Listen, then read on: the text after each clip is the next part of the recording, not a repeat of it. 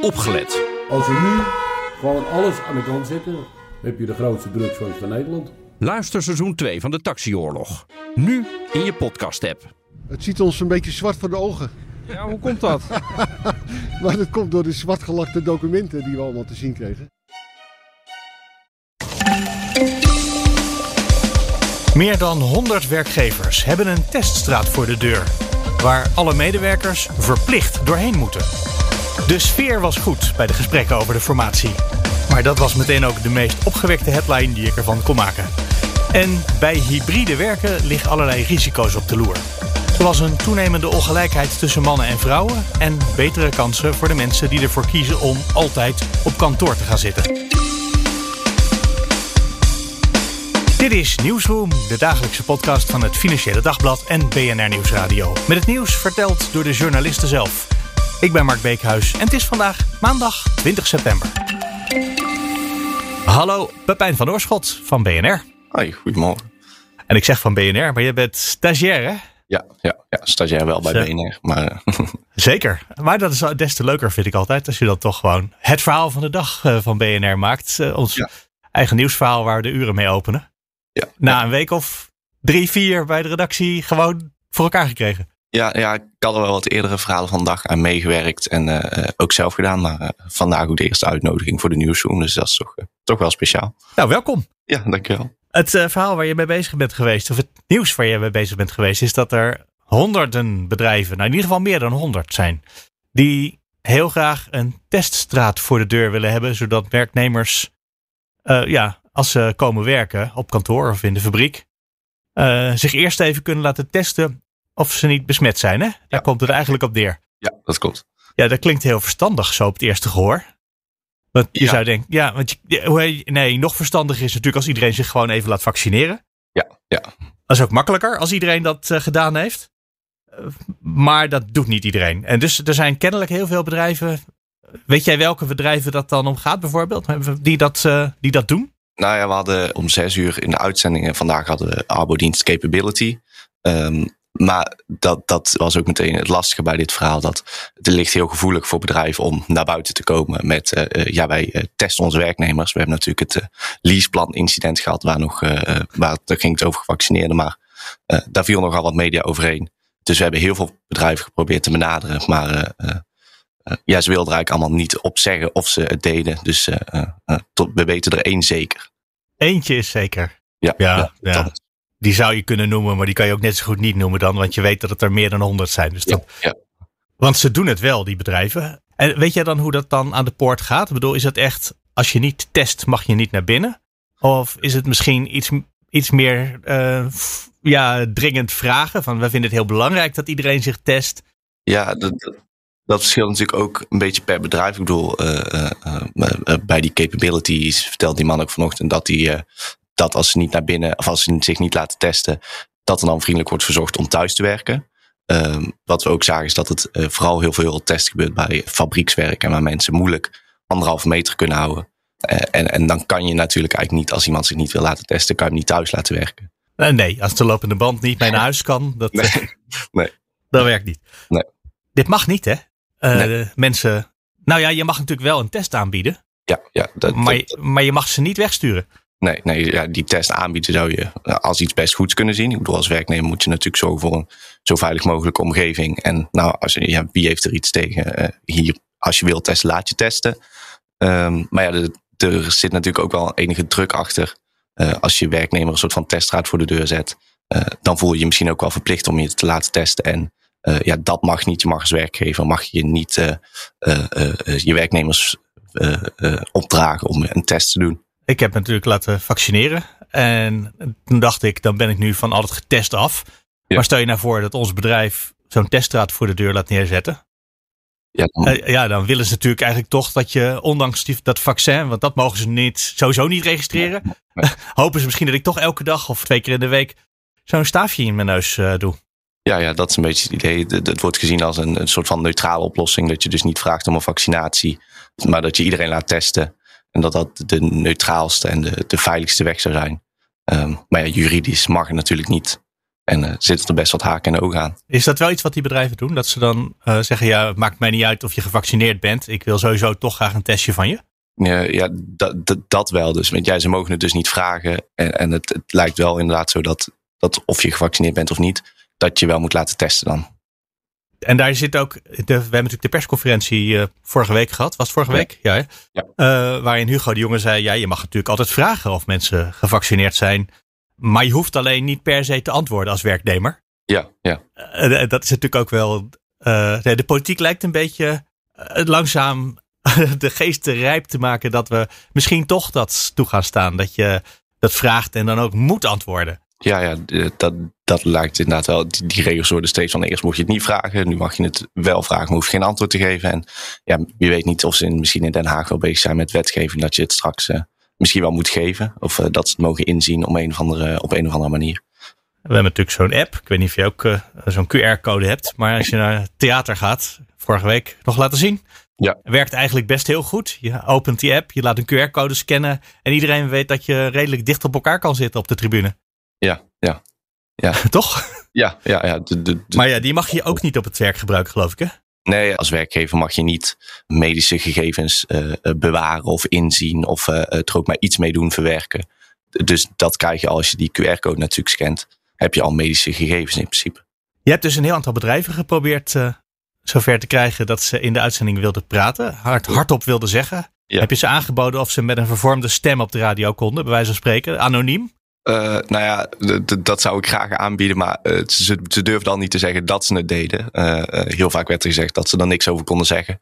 Um, of, we geven, of stuur maar een mail, zo ook vaak gezegd. En dan, dan krijg je misschien volgende maand een keer antwoord. Um, dus ik had, ja, we, waren, we wilden eigenlijk heel graag een, een mooie reportage maken. dat je bij zo'n bedrijf langs gaat en aan die werknemers vraagt hoe het zit met het testen en wat ze ervan vinden en hoe het precies gaat. Maar ja, ja, dat kan dan helemaal niet. Nee, nee geen enkel bedrijf wil nou, ja. Iets over zeggen. Het kan natuurlijk wel, want als je gewoon voor de deur van een bedrijf gaat staan en je ziet dat mensen daar onder zo'n tent eerst door moeten voordat ze het hoofdkantoor in kunnen. Ja, ja, ja dat, dat, dat, dat was inderdaad nog een optie geweest. Inderdaad, uh, ik zat vanochtend in de trein hier naartoe. Toen zag ik bij uh, de grote pand van DHL twee opvallende tenten staan. Dus ik dacht, uh, had ik dat vorige week maar gezien, dan was ik nog even een station eerder uitgestapt om even langs te gaan. Uh, ja. Maar dat is inderdaad nog wel een, een optie om te doen. Ik ben echt heel nieuwsgierig of luisteraars van deze podcast daar misschien uh, bij kunnen helpen. Want die werken natuurlijk ook voor een groot stuk bij bedrijven. Misschien dat die hier kunnen mailen naar nieuwsroom.bnr.nl of nieuwsroom.fd.nl. Of zij, als ze het kantoor binnengaan of de fabriek of uh, nou ja, waar je ook werkt. Of je dan uh, eerst nog even met zo'n wattenstaafje in je neus uh, moet voordat je naar binnen mag. Ja, laat het alsjeblieft weten. Ik ben heel benieuwd. En dat hoeft dan niet meteen op de radio. Of misschien wel, als je dat leuk vindt. Dat uh, gaan we dan weer op dat ogenblik bekijken. Pepijn van Oorschot, dankjewel voor nu in elk geval. Ja, dankjewel. Hallo, Bas Knoop van het Financieel Dagblad. Goedemorgen Mark. En welkom terug van, uh, van vakantie. Dankjewel. Zo. Ja, uh, dan is, ik weet niet precies, daar hoort vast een standaard frase achteraan, maar die heb ik zo even niet paraat. dus die ga ik even verzinnen nog. In elk geval, blij dat ik er weer ben. Ja. En ik heb het idee dat ik heel veel heb gemist en helemaal niks heb gemist. Daar gaan we het vast over hebben, wat er in de afgelopen weken in de politiek gebeurd is. Ja. Um, ik wou maar eens beginnen met de, het persmomentje gisterenmiddag op 12 uur. Uh, iedereen heeft natuurlijk meegekregen dat de, de drie leiders van de drie partijen een weekendje hebben doorgebracht in Hilversum. Om daar op ja. de hei tot elkaar te komen. En ik had het idee, maar misschien is dat een cynische gedachte, dat ze helemaal niets, maar dan ook echt helemaal niets hadden bereikt. En dachten, we gaan toch iets positiefs zeggen. Wat zullen we eens zeggen? Nou, de sfeer is goed. En uh, Sophie Hermans gaat deze week iets leuks doen. Ja, dat was toch wel het, het, het, uh, het nieuws eigenlijk. Hè? Het, Rutte noemde dat het Sophie Hermans initiatief. Sophie Hermans is de uh, waarnemend fractievoorzitter van de VVD overigens. En die mag uh, ja, met de, de pet rondgaan uh, deze week bij, bij, bij andere partijen om te kijken ehm, of er steun is voor de, voor de begroting voor volgend jaar. Ehm, nou, dan weten we natuurlijk al wel. Want de linkse partijen die willen allemaal dingen. Ja. Die staan daar vast nog niet in. Nou, die de Klaver en Ploemen zaten gelijktijdig met het persmoment gisteren bij Buitenhof. Uh, ik weet niet of dat toeval was of niet, maar um, nou ja, die legden meteen hun wensenlijstje op tafel. Verhuurdersheffing voor woningcorporaties moet worden afgeschaft. 2 miljard ehm, naar lastenverlichting voor gezinnen, ouderen, alleenstaanden. Dus ja, er is werk aan de winkel voor, voor Hermans. maar goed, dit heeft natuurlijk alles mee te maken ook weer toch veel met, met de formatie. Uh, al zei Rutte van dit heeft er eigenlijk niks mee te maken, dit staat daar los van. Um, maar het, het, het, wordt gezien als een soort testcase. Um, of een minderheidskabinet van VVD, D66 en CDA eventueel zou kunnen rekenen op een, ja, een constructieve ontvangst in, in, de, in de Tweede Kamer. Dan moet je inderdaad denken aan partijen als PvdA, GroenLinks, maar ook de ChristenUnie. Um, en, en, achter de schermen hoorde je gisteren wel van, um, nou ja, als dit dus niet gaat werken, um, dan, dan, ja, dan, is eigenlijk het, uh, dan hoeven we eigenlijk niet eens te beginnen aan een minderheidskabinet. Dan, uh, dan weet niemand dat, meer wat we moeten doen. Dan gaat dat ook niet werken. Uh, dus dit, dit is in, in, zekere zin een soort testcase voor, voor, voor Rutte 4.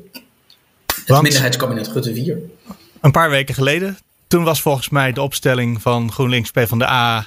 Uh, nou, als ze een goed voorstel hebben, dan willen we daar best ja tegen zeggen. Maar nu wordt eigenlijk toch gevraagd of ze op een deelonderwerp met die minderheidscoalitie in wording willen onderhandelen. Ja, nou ja, ze zeggen nog steeds, uh, dat, dat, zeiden ze gisteren bij Buitenhof ook, van uh, wij zijn nog steeds bereid om aan te schuiven bij een meerderheidscoalitie. Ja, maar dat ligt uh, nu niet voor. Er ligt nu voor, willen jullie over de begroting nee. meedenken. Ja, maar dat zijn natuurlijk ook losse. Uh, uh, er zal iets tegenover moeten staan. Um, er is nog uh, een soort, soort smeermiddel van een miljard euro ongeveer. Die, die, het restant van de, de BIC, um, BIC-regeling die niet doorgegaan is. Waarmee Hermans dus nou ja, partijen kan bewegen om, om toch in te stemmen met die begroting. Maar een miljard is veel, maar een miljard is veel te weinig voor dat verlanglijstje van de linkse partijen. Ja, ja, nee, dus dat zal, dat, dat zal moeten blijken hoe constructief zij daar, uh, daar deze week uh, in staan. Zijn daar al uh, aanwijzingen voor wat dat zou kunnen worden? Nee, wij, wij zijn toevallig nu ook een rondje aan het maken langs die partijen om te kijken van, ja, is ze al langs geweest? en, en wat is jullie verlanglijstje dan? En hoe, hoe gaan die gesprekken? Dus dat weten we nog niet. Maar dat, dat is... op dit moment weet ik het nog niet. Veel tijd hebben ze niet, want dat heeft een week ongeveer. Uh, ja. En dan op maandag, nou ja, de, dan moet het allemaal weer beginnen, begreep ik. Precies, de bedoeling is eigenlijk wel dat het ook tijdens die algemene politieke beschouwingen, die natuurlijk na Prinsjesdag beginnen, op woensdag en donderdag, dat dan, uh, dan er wel iets uh, geregeld is. ja, dat is wel het belangrijkste debat van het jaar, wordt altijd gezegd. Maar de begrotingen, die gebeuren natuurlijk per ministerie in de maanden ja, daarna. Hè? Ja, hè, dan heb je nog de algemene financiële beschouwingen, het belastingplan, altijd heel belangrijk natuurlijk. En dan de afzonderlijke begrotingen nog. Dus er is nog wel wat ruimte. Um, maar je wil natuurlijk uh, dat zal ook mee, mee, te maken hebben dat het kabinet um, toch, toch nou ja, die, die politieke beschouwingen redelijk comfortabel door kan komen, wetend dat um, er steun is voor de plannen. Zeg jij nu eigenlijk dat er toch iets bereikt is, namelijk dat er een soort strategie bedacht is om te kijken hoe een minderheidskabinet zou kunnen werken? Of nou ja, is dat, dat, dat is, is dan, dat te, rekening me dan is, alweer rijk? Uh, ja, nou, dat weet ik niet. Maar er is natuurlijk in ieder geval. Um, het, het, is, dat is het goede nieuws van het weekend. Het is niet geklapt. De, het is niet dat partijen weggelopen zijn en um, uh, zeg maar. het is echt de aller, allerlaagste ondergrens die je kan ja, halen. Hè? Ja, Mensen zijn niet boos weggerend. Nee, nou ja, dat, dat, dat, uh, dat is dan bereikt. Um, en inderdaad, dit, dit, dit moet, dan, moet dan gaan bewijzen of, of zo'n minderheidskabinet überhaupt uh, uh, kan gaan werken. Want ja, dat besef is wel ingedaald, uh, hoor je achter de schermen, dat na vorige week, waarin de ChristenUnie toch. Ehm, ja, die is afgehaakt.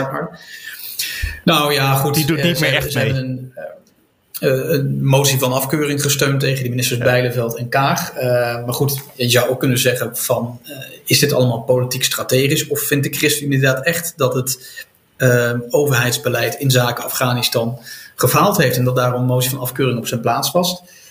stond echter niet op zichzelf, want de ChristenUnie heeft ook tegen een coronapas, de invoering van de coronapas ja. gestemd vorige week. Um, en tegelijkertijd PvdA en ChristenUnie waren de, uh, PvdA en GroenLinks, sorry, waren initiators van die motie van afkeuring um, tegen die twee ministers. Ja. Geef je het veel kans dat GroenLinks, Partij van de Arbeid samen daadwerkelijk die onderhandeling over de begroting voor het komend jaar ingaan? in de wetenschap dat iedereen buiten dat gaat uitleggen als een soort proefsteun voor een minderheidsregering daarna. Want het is natuurlijk, ja, ze gingen praten officieel over uh, coalitieonderhandelingen. Maar wat we een positieve bericht hebben gehoord, hebben helemaal niks daarmee te maken. Niet direct. Nou, je zou het zelfs kunnen uitleggen als dit inderdaad uh, succesvol blijkt te zijn. Dat, je, dat, dat, er op basis van de inhoud gewoon eh, compromissen kunnen worden gesloten met PvdA en GroenLinks. Waarom zou je dan geen meerderheidskabinet met die twee partijen gaan formeren? Ja, dat heb ik altijd gedacht. Ja, goed, die vraag die houdt ons al uh, meer dan een half jaar bezig. Dus, um, maar goed, dat via een omweg dit is gespeculeerd hoor, maar dat, dat zou misschien ook nog een uitkomst kunnen zijn. Dat, dat volgende week maandag Remkes concludeert, nou jongens, een meerderheid zit er gewoon met in. met z'n vijf of met, hè, desnoods met z'n zes, met de ChristenUnie erbij, inhoudelijke onderhandelingen uh, uh, beginnen. Want, want dat is wel uh, nieuwe verkiezingen, daar zit nog steeds niemand op te wachten. Um, nee, en, en dat lost toch ook helemaal niks op? En er nou zijn ja, een paar is, dat is, minder, is, meer of meer grote partijen die zetels zullen gaan verliezen. Denk aan het CDA. Ja. Ja, nou ja, dat is, dat is inderdaad, de, het, het lost niets op. Uh, je krijgt ongeveer uh, dezelfde verhoudingen met, met die kanttekening dat, dat als de peilingen uh, waar blijken te zijn of waar worden, dan gaat het CDA vooral een enorme duikeling maken. En, maar goed, de dynamiek in zo'n verkiezingscampagne is natuurlijk ook altijd onvoorspelbaar. Ja, voor hetzelfde komen ze vijf keer zo groot terug. precies, wat doet Rutte, dat weet je niet, maar op, op dit moment wordt het vooral door partijleiders zelf uitgelegd als een, uh, een nederlaag. Als nu opnieuw uh, de kiezer zou moeten worden gevraagd om, um, om zijn of haar steun. Ik zei het al, ik heb het idee dat ik in die drie weken veel, maar eigenlijk ook helemaal niks heb gemist. Nou, er is veel gebeurd, maar vooruitgang. Uh, dat dan weer niet. Is er niet geboekt. Misschien zou je het zelfs achteruitgang kunnen noemen. In de zin van de. de nou, er is weer wat afgestreept. Er zijn weer wat minder dingen nou, onmogelijk dat, geworden. Uh, en de onderlinge verhoudingen die verslechterd uh, zijn. Ja. Nou, uh, dank voor dit opgewekte gesprek, Bas Knop. Ja. Morgen dan. Morgen weten we meer. Nou ja, ja. woensdag denk ik. Ja. ja, je hebt gelijk. We natuurlijk morgen toch niet meteen het debat. Woensdag nou, dan moeten we elkaar woensdag of donderdag nog maar weer eens spreken. Zeker. Dankjewel voor nu. Oké, okay, hoi. de eerste weer na drie weken vakantie. Dus, uh... Ja, ik hoorde al. Uh, ik had je al gemist. Ja, ik uh, had het ook een beetje gemist. Maar dat is dus echt heel gek. Ik ben dus vandaag voor het eerst weer naar mijn werk. Maar dat is flauwekul. Ja. Ik zit gewoon thuis te werken nog ja. deze week. Maar je hebt wel een overhemdje aangetrokken, gelukkig. Ja, wat had je dan gedacht? Dat ik hier in pyjama zou gaan zitten? Nee, ik heb vanaf het begin van de crisis volgehouden. Ik zit hier natuurlijk iets van anderhalf jaar al. Ja. Ook als ik thuis werk, ben ik toch gewoon netjes aangekleed. Oh, nou, dat is heel goed. Dat is, dat is arbeid, als arbeidsmarktredacteur weet ik dat dat, dat dat een hele goede tactiek is om jezelf fit en toch betrokken te houden. Heb ik gewoon op intuïtie gedaan. Ja. Goed. Oké. Okay. Laten wij beginnen. Ja. Hallo Elfanie Toulaar. Goedemorgen, Mark. Van het Financieel Dagblad. We gaan het hebben over hybride werken.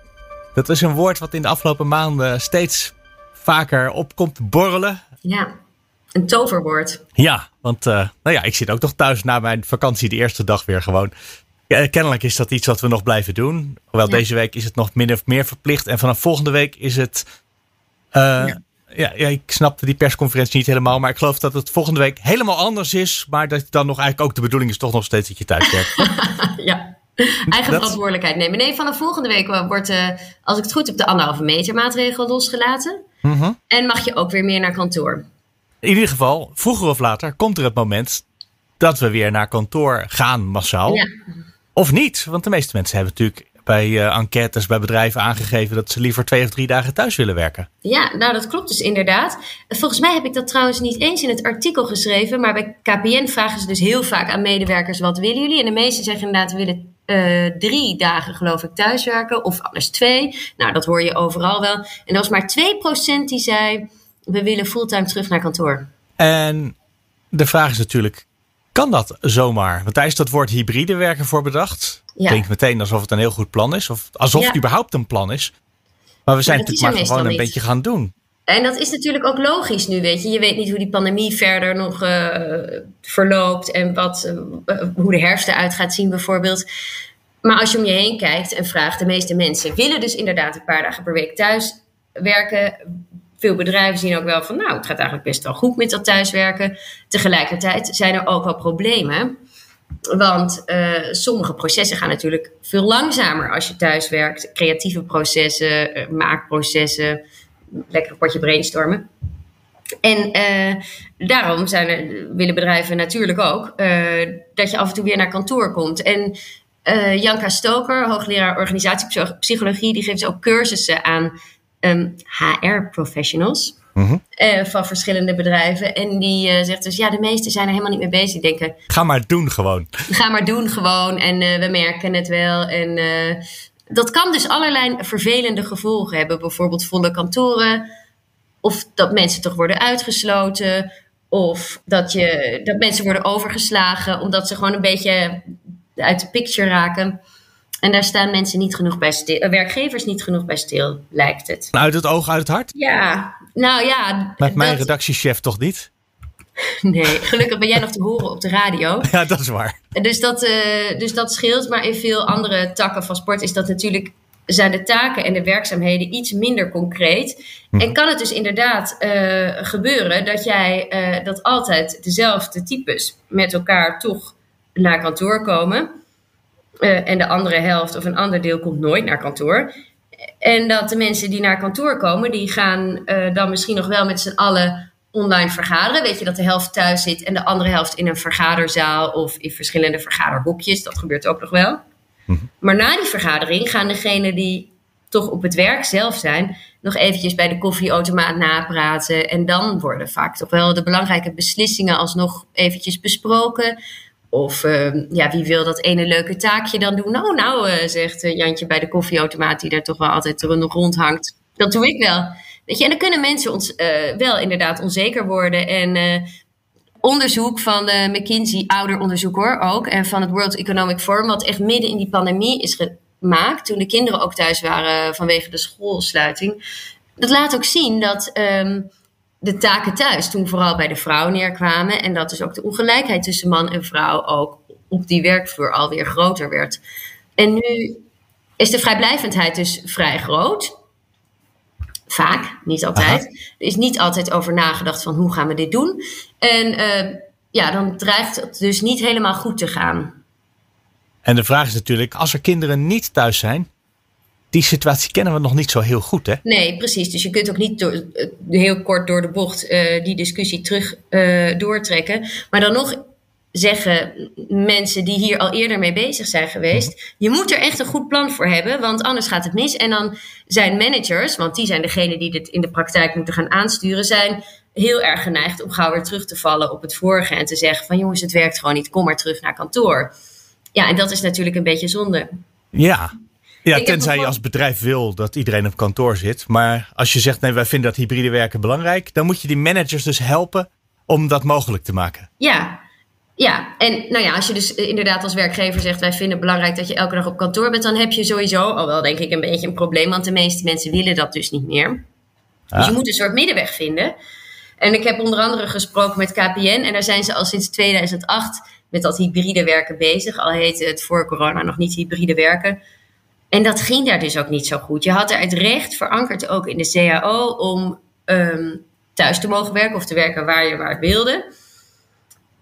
En uh, teamleiders, managers, die zaten daar een beetje mee in hun maag. Want ja, ze moesten het wel goed vinden, maar er was geen beleid op. En dan af en toe zei uh, iemand van, nou, ik uh, werk morgen thuis. En dan was er net misschien een belangrijke vergadering. En het was gewoon irritant. Aha.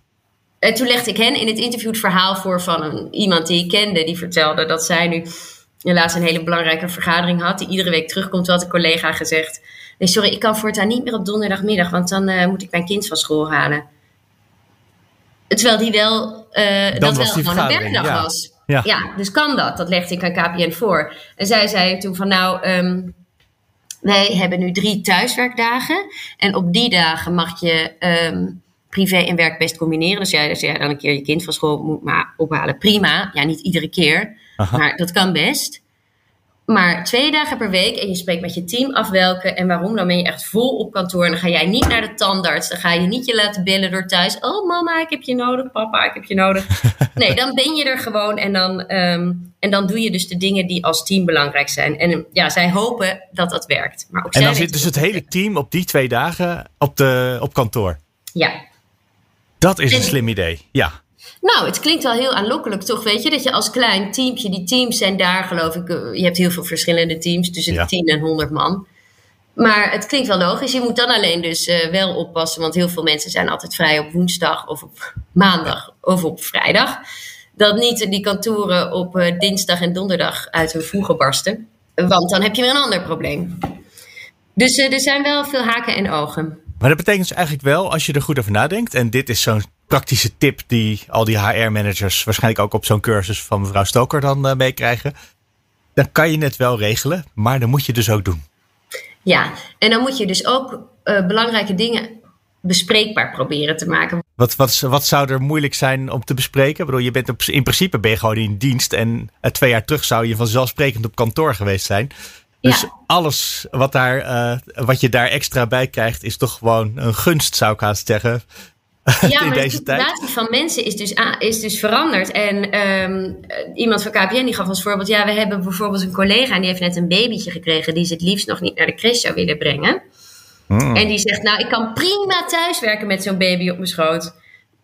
Dat geloof ik eigenlijk niet. Maar eh, eh, als je dat niet bespreekbaar maakt... gaat zij dat natuurlijk wel doen met haar babytje. En dan, oh, sorry, ik hoorde je belletje niet.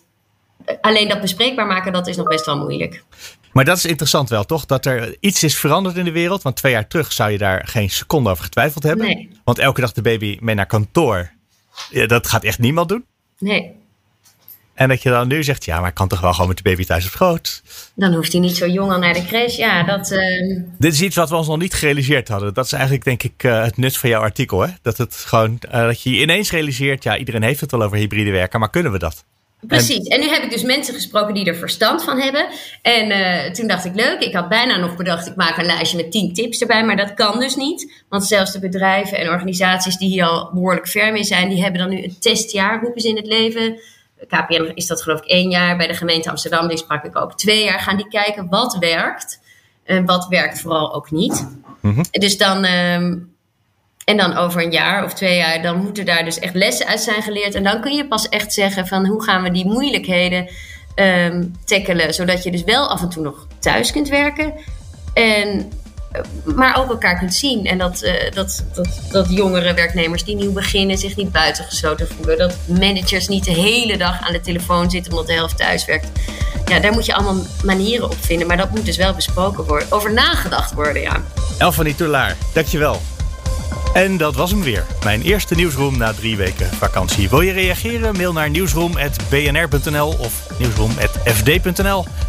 De show notes vind je op bnr.nl slash nieuwsroom. En morgen zijn we er weer. Graag tot dan.